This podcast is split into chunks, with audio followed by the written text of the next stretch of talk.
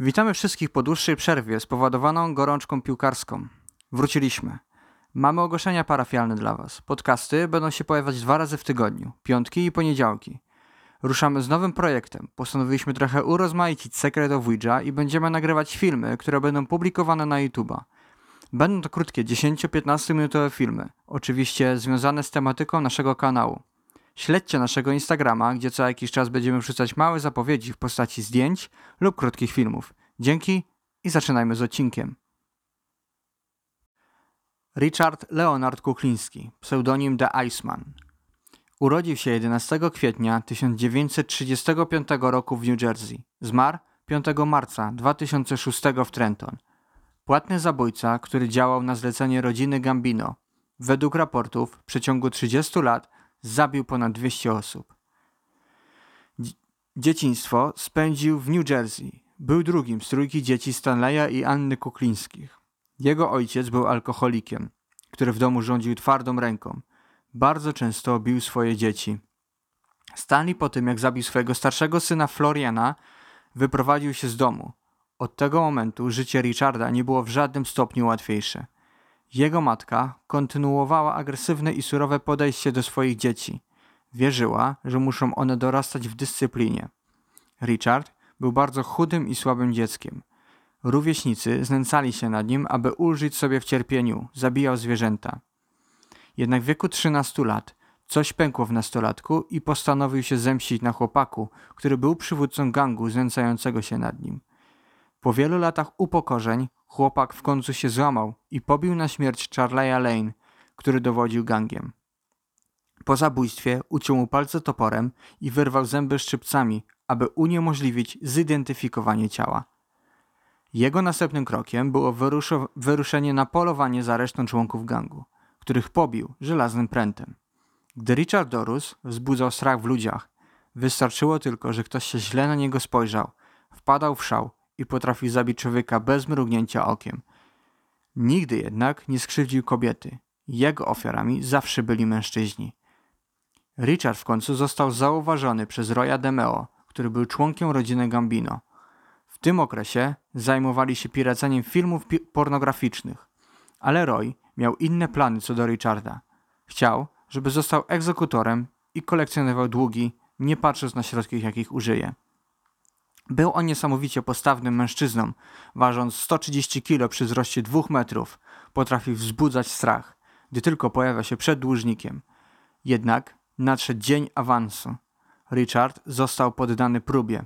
Roy wybrał losowego mężczyznę na ulicy i rozkazał Richardowi go zabić. Ten bez wahania podszedł do mężczyzny i strzelił mu w tył głowy. W ten sposób został on ulubionym egzekutorem rodziny Gambino. Sam Richard twierdził, że zabił ponad 200 osób. Nie był on jednak wybredny co do broni lub stylu popełniania morderstw. Używał broni palnej, własnych rąk, noży, a nawet środków trujących takich jak cyjanek. W pewnym okresie swojego życia dostał przydomek The Iceman, ponieważ czasami chował swoje ofiary w ogromnych lodówkach, co sprawiało, że policjanci mieli problem z identyfikacją ciała, bo były zmrożone.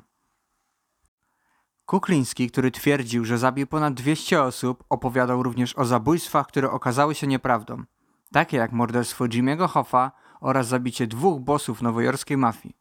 Jak się później okazało, członkowie włoskiej mafii zostali informatorami FBI i nigdzie nie wspominali o Kuklińskim. Pewne jednak jest to, że zabił swoich kolegów po fachu. Kiedy jeszcze miał grupę przestępczą, która specjalizowała się w kradzieży, Gary Smith i Daniel Deppner zostali zamordowani po to, aby Richard mógł się chronić przed stróżami prawa. Otruł ich cyjankiem, a potem powiesił. Kolejne trzy ofiary to Paul Hoffman, Louis Masgay i George Maliband. Byli oni handlarzami narkotyków oraz pornografii. Motywem zabójstwa najpewniej była chęć przywłaszczenia sobie dużej gotówki, którą posiadały ofiary w czasie śmierci. Ciało jednego z nich zostało odnalezione w zamrażarce. Kuklińskiemu jednak w końcu podwinęła się noga i został złapany przy zakupie sztucznego cyjanku od Polifron. Jego rozmowy o swoich zbrodniach były również nagrywane przez Polifron i wszelakie dowody zostały dostarczone policji, w których to Kukliński przyznaje się do wszystkiego na taśmach. W marcu 1988 roku Richard Kukliński został skazany na dożywocie w Trenton State Prison. W 2003 roku HBO nagrało rozmowę z mordercą, w której to przyznał się do morderstwa detektywa New York Police Department Petera Calabro w 1980 roku. 5 marca 2005 roku Kukliński zmarł na chorobę Kawasakiego, która jest ostrym stanem zapalnym dróg wieńcowych. Jednak był on przypisany jako świadek w sprawie morderstwa detektywa z New York Police Department.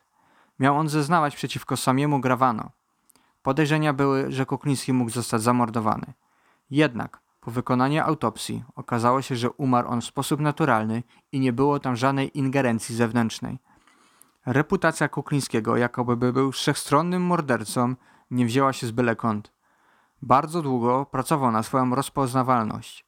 Lubił używać pił mechanicznych, ręcznych granatów, a nawet zdalnie detonowanej bomby przymocowanej do zabawkowego autka.